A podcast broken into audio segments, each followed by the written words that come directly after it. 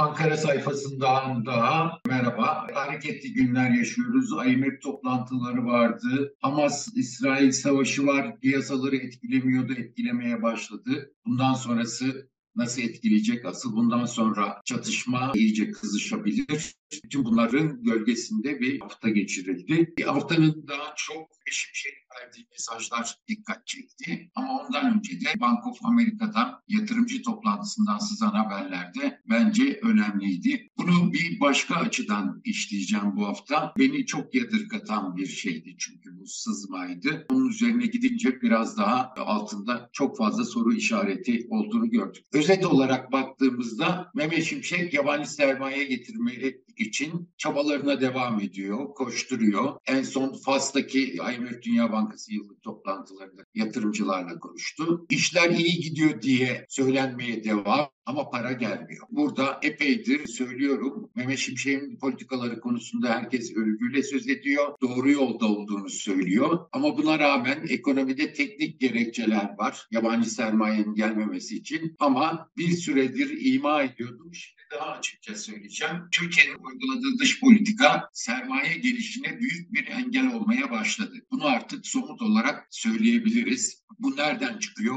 Hem temas ettiğim kişilerle, yetkililerle görüşmemde bu açıkça oluyor. Avrupa Birliği'nin aldığı son kararlar, Amerika Başkanı Biden'ın son açıklamaları Türkiye ile olan ilişkilerin iyi olmadığını seziyor. Bank of America'dan sızan, yatırımcı toplantılarından sızan haberlerde bence çok açık biçimde dış politika konusunda Cumhurbaşkanı Erdoğan'a mesaj taşıyordu. O yüzden de sızdı mı, sızdırıldı mı orası ayrı bir tartışma konusu. Çünkü bu konunun üzerine de gittim biraz tartıştım. Teknik olarak söylenenler açık. Reel faizin hala olmadığı, faiz, faiz artışının devam ettiği söyleniyor. Rezervler hala çok düşük deniyor. Cari açıkta hala risk var deniyor. Kurların düşük olduğu söyleniyor. Yabancı sermaye gelmek için daha yüksek faiz ve daha yüksek kur istiyor. Bunu biliyorduk zaten. Buraya doğru bir zorlama olabilir. Ama ellerinde argüman var. Bunların dışında en önemli unsurlardan, argümanlardan birisi de Cumhurbaşkanı Erdoğan'ın bu politikalara devam edip etmeyeceği konusunda güvenmiyoruz diyorlar. O yüzden de daha çok yerel seçimlerin de geçmesini ve o zaman ortodoks politikaların devam edip etmeyeceğini görmemiz gerek diyorlar. Ve o yüzden de henüz erken olduğunu söylüyorlar yabancı yatırım yapmak için Türkiye'ye swap hatları açılmamış durumda. E ama Bank of America yatırım notlarında olduğumuz gibi başka şeyler de istiyorlar. Çok açıkça söylenemeyen. Mehmet Şimşek'e bunları söylüyorlardı ama Mehmet Şimşek'in bunu Cumhurbaşkanı Erdoğan'a anlatması çok mümkün değil. O yüzden de Bank of America'nın yatırımcı notları sızınca bunu Cumhurbaşkanı da öğrenmiş oldu. Şimdi orada ne oldu diye araştırdım biraz. Bakanlarla yapılan yatırımcı toplantılarının sonunda yatırımcıların ne söylediğiyle ilgili notların basına sızdığını daha önce görmemiştim. Bunu yadırgamıştım. Biraz üstüne gittim ve çok daha iyi bilen, çok daha yakından takip edenlere sordum kaynaklara. Londra'daki kaynaklarıma sordum. Bank of America ya yakın aksesi olanlara sordum. Durum şu, yatırımcı notlarının toplantısı sızmış, Bank of America'ya söylenmiş, bunu siz mi verdiniz diye. Yok ya sızmış demişler. Peki Mehmet Şimşek böyle bir rezalet oldu diye sizi arayıp size kızmadı mı, size eleştiri getirmedi mi, sistemde bulunmadı mı derken Mehmet Şimşek hiç öyle bir sistemde de bulunmamış, hiç üstüne de gitmemiş yatırımcı uzmanları sızdı diye. Bunu konuştuğum kaynaklar Bank of America'nın iç yazışmalarına da bir şekilde aksesi olan kişiler ve iç yazışmalarda böyle notların dolaşmadığını söylüyorlar. Yani bir şekilde bunun kasıtlı olarak sızdırıldığı ihtimali bence yüksek. Niye sızdırıldı? Çünkü orada yazılı olan Avrupa İnsan Hakları Mahkemeleri kararlarının uygulanmamasının sermaye için bir engel olduğu, efendim Akdeniz'deki petrol aramalarıyla ilgili Avrupa'nın yaptırım kararının bir engel olduğu bütün bunlar söylenmiş. Diplomasi kaynaklarımla özellikle Amerika ile yakın ilişkide olanlarla görüştüğümde bir hoşnutsuzluk olduğunu uzun zamandır söylüyorlardı. Son dönemde bu hoşnutsuzluk iyice artmış gibi görünüyor. Hoşnutsuzluğun nedeni ne derseniz Türkiye'nin yani tam olarak şey yapmıyoruz ama bu İsrail-Hamas savaşından önceki konular Suriye konusunda, Avrupa konusunda bayağı şeyler görüş ayrılıkları Halbuki bunlarla ilgili anlaşmanın sağlandığının bildiklerini ama bu anlaşmaya uygun hareket edilmediği gibi söylemlerde bulunuyorlar. Yani dış politikada atılan ya da atılmayan adımlar belli ki artık sermayenin gelişi için önemli bir engel olmaya başlamış durumda. O zaman da aklımıza ne geliyor? Yatırımcı notlarından da anladığımız gibi teknik gerekçeler tabii ki var yabancı sermayenin gelmemesi için ama dış politikayla ilgili adımlar yani siyasi nedenler de sermayenin gelişini önlüyor. Bu Mehmet Şimşek'in aslında çok daha şimdiye kadar çok daha büyük bir sermaye çekeceği konusunda umudu vardı. Belki konuşmalarında bu sözde verilmişti ama bu olmadı. Bunu da bir ölçüde anlatıyor gibi geliyor bana açıkçası. Tam anlaşmazlık konularının detayları nedir bilmiyorum ama genel olarak zaten İsveç'in NATO'ya kabulü dahil bir dizi şey Avrupa Birliği Bakanlar Toplantısına Hakan Fidan'ın davet edilmemesi, son alınan Ocak ayına kadar Kavala'nın serbest bırakılmaması halinde o hakkının alınması, kaybedileceği gibi birçok üst üste ve zorlayıcı kararlar Avrupa Birliği'nden geliyor. Avrupa Birliği'nin hataları olduğunu herkes biliyor ama belli ki kamuoyuna açıklanmayan ama üzerinde anlaşılan konularda da yeterli adımların atılmadığı izlenimini açıkçası ben alıyorum. Batı'da ne istiyor? Batı'da çok açıkça kendisinden yana tavrını daha net olarak koymasını istiyor Türkiye'nin. Bu konuda belirli bir umut belirmişti. Şu, şimdi o umutların azaldığını görüyoruz açıkçası. O yüzden de baktığımız zaman yani Mehmet Şimşek bunlar iletiliyordu bu siyasi konularda ama onun söyleme imkanı yok. Teknik kalıyor. Teknik gerekçeleri açıklıyor. Ama bir şekilde Cumhurbaşkanı'na da bu siyasi sorunlar, sermayenin elindeki sorunlar gitmiş oldu. Şimşek çalışmaya devam ediyor. Daha önce Londra'daydı yatırımcı toplantıları. Yatırımcı toplantılarından Fas'ta da Dünya Bankası IMF toplantılarından da sizden haberler. Bu aracı kurumların, bu toplantıları düzenleyen aracı kurumlar çok memnun olduk diyorlar. Mehmet Şimşek'in vizyonunu gördük, doğru yolda diyorlar filan. Sürekli övme sözleri geliyor. Ama dediğimiz gibi belirli bir para girişini hala sağlayabilmiş değil. Bu niye olmuyor? Tabii ki Batı sermayesi de girmek istiyordur, para kazanmak istiyor Türkiye'den. Ama faizler yüzde 11, 10,5, 11 gibi teklif ediyorlar. Devletin borçlanması için, Eurobond ihracı için. Eurobond ihracını biraz daha bekleyeceğiz demişti Mehmet Şimşek. Ama Birleşik Arap Emirlikleri ile bu ayın sonunda 8,5 milyar dolarlık tahvil ihracı konusunu netleştireceğiz ve büyük ihtimal yılın sonunda bu sağlanacak diyor. Burada faizler kaç bilmiyoruz ne kadar indirtebildi. Yüzde on bir, on buçuk, on bir çok yüksek faiz. Elbette eskiye göre şu anda uluslararası borçlanmada faizler çok yükselmiş durumda. Türkiye'nin CDS primi düşmesine rağmen dış piyasa kötü ama bir açıdan baktığınız zaman şöyle de bir arkadaşımın notuyla söyleyeyim. Yani şimdi 10.5'dan 11'den borçlansa Mehmet Şimşek Nurettin Nebati'nin döneminden daha yüksek faizle borçlanmış olacak. Böyle bir şey de doğal olarak istemiyor. Tabii ki Nebati dönemindeki küresel ortamla şimdiki aynı değil. O zaman böyle bir küresel ortam olsa çok daha yüksek faiz gerekirdi. Ama son son baktığımızda böyle bir tabloyla karşı karşıya kalınacak ve bu çok tercih edilir bir şey olmuyor Mehmet Şimşek tarafından. O yüzden borçlanılmıyor. Körfez sermayesi de Batı sermayesi de eşgüdümlü davranıyor. Bunu da artık görmüş olmaları gerek. Çünkü çeşitli bahaneler söylüyorlar. Bizim paramız hazır diyorlar ama CDS primi düşsün diyorlar. Biraz daha faiz arttırın diyorlar. Kurlar biraz daha çıksın diyorlar. Ama Mehmet Şimşek de mecburen şu anda kurların uygun olduğunu söylüyor yatırımcılara. Reel faiz düzeyine yaklaşıldığını ama faiz artışlarının devam etmesi gerektiğini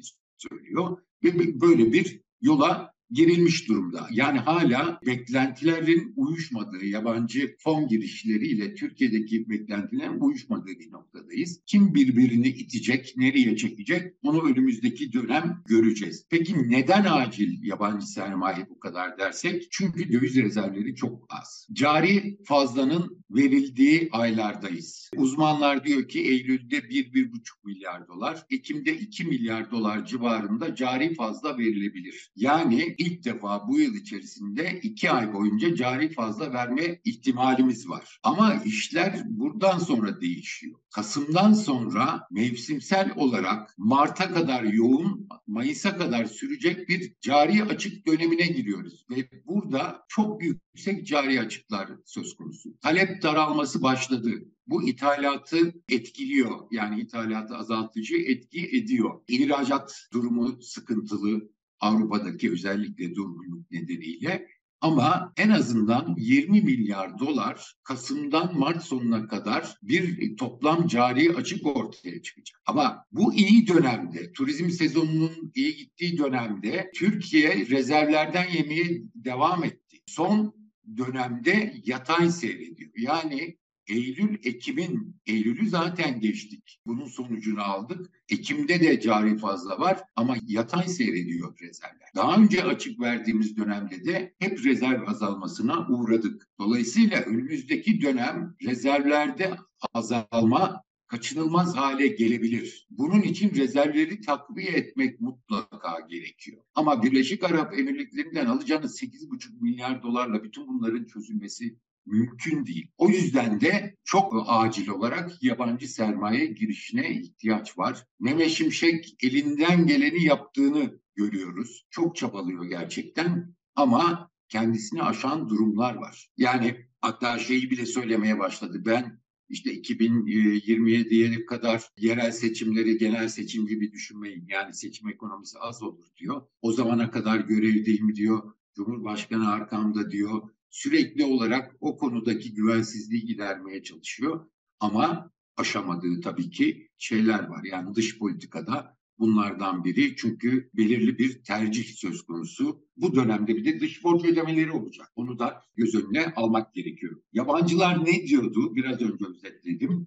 İşte rezervler diyorlar teknik olarak var gerekçeleri. Bu gerekçeler ama e, en azından bir miktar yabancı sermaye girişini engel değil. Gelip deneyebilirler, girebilirler. Geçen hafta bile hisse senedinden çıkış vardı. E, yabancı sermaye hala yok. Yabancı fon girişi hala yok. Körfez'den sözü edilen şeyler, garantiler yok. Çünkü bunların büyük bölümü de seçimden sonra oturup belirli bir kurdan buradan varlık satışlarıyla mümkün olabilecek.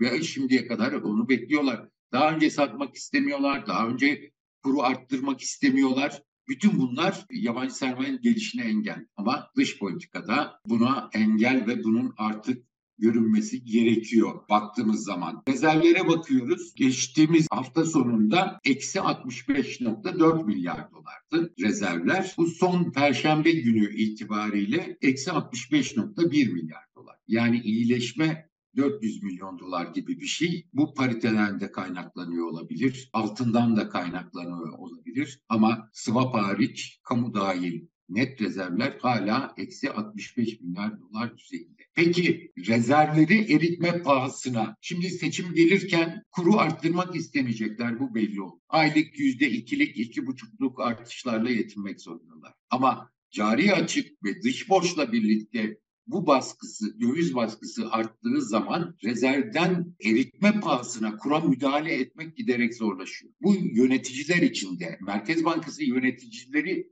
içinde zor bir şey. Yani rezerve eritme pahasına kura müdahale çok tercih edilebilir bir şey değil. Artı zaten limitlere gelmiş durumda. Geçen seçim öncesinde demiştik eksi 70 milyar dolar limit olarak gözükür diye. Bu burada da aynı şeyin söz konusu olma ihtimali var. Kura müdahale etmezlerse bir şekilde kurlar yükselecek. Seçim öncesinde kurlar yükseldiği zaman bunun enflasyona artı katkısı olacak. Buna karşılık ne oldu? %33'lük 2024 yıl sonu enflasyon hedefi koydu Merkez Bankası. Mehmet Şimşek de onu savunuyor. Reel faize yaklaşıyoruz derken bu ay büyük ihtimalle yüzde 35'e çıkılacak faizlerde. Ay 35'e çıkınca işte o beklenti e, kendi koydukları hedefe göre reel faiz düzeyine çıkmış olacak. Ama burada başka bir handikap daha var. Mehmet Şimşek'e destek için IMF geldi. IMF 2015'ten sonra ilk defa bu kadar üst düzey bir heyetle geldi. Bunu daha önce burada söyledim. Bu bizim isteğimizle oldu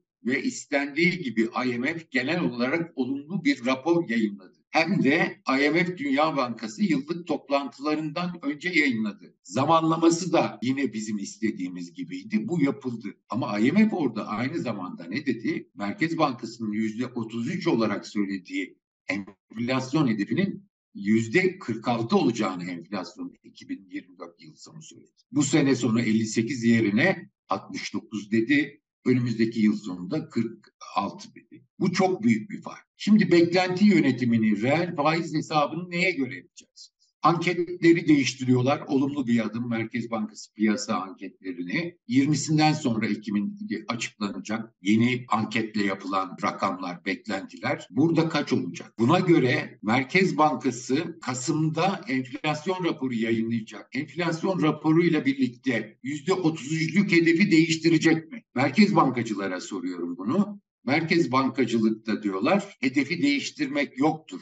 Politika faizini değiştirmek vardır. Yani o hedefe ulaşmak için daha fazla politika faizini arttırırsınız. Şimdi bunu mu yapacaklar yoksa 40'a kadar çıkacaklar mı 46 olmasa bile? Bunu göreceğiz. Bunlar çok önemli sinyaller olacak önümüzdeki dönem için. Yani %35'te faiz kalacak mı? %45'e kadar çıkılması gerektiğini söyleyenler var. 40'a çıkılmasını gerektiğini söyleyenler var. Bu ne olacak? Beklentilerin düzeyi ne olacak? Reel faiz neye göre hesaplanacak? Bütün bunlar önümüzdeki dönemde çok yoğun olarak tartışılacak şeyler. Tabii ki Merkez Bankası'nın faiz kararını önemli kılan şeyler. 26'sıydı sanıyorum yapılacak PPK toplantısı.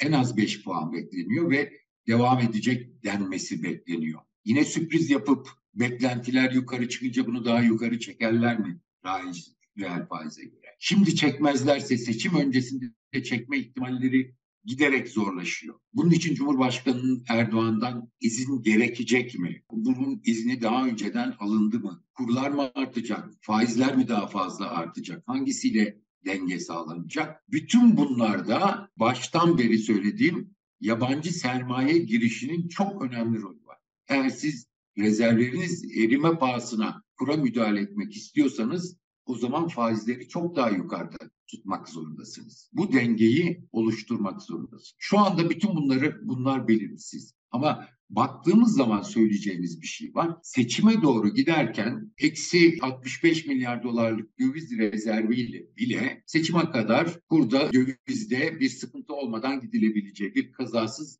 gidileceği öngörüsü var. Hala o, o öngörü var. Ama daha kritik bir noktaya geliyoruz. Yani yabancı kaynaklarla konuştuğum zaman söyledikleri Mehmet Şimşek'in işi zordu ama bu dış politika kararlarıyla şimdi çok daha zorlaştı. Seçime kadar risk de büyüdü. Seçime kadar kazasız götürmeye ilişkin risk de büyüdü diyorlar. Önümüzdeki dönem dış politikanın daha da yoğun olacağı, ekonomide daha fazla söz sahibi olmaya başlayacağı bir döneme giriyoruz. Eğer gerçekten batıyla uyumlaşma çabaları sekteye uğrarsa ya da aksi yönde adımlar artarsa risk büyüyor. Kazasız gitse bile 2024 Nisan'dan sonraki uygulanacak politikaların dozu çok artmak zorunda. Hem de seçime kadar gitme riskinde bile, kazasız gitme riskinde de bir tehlike karşımıza çıkmış bulunuyor.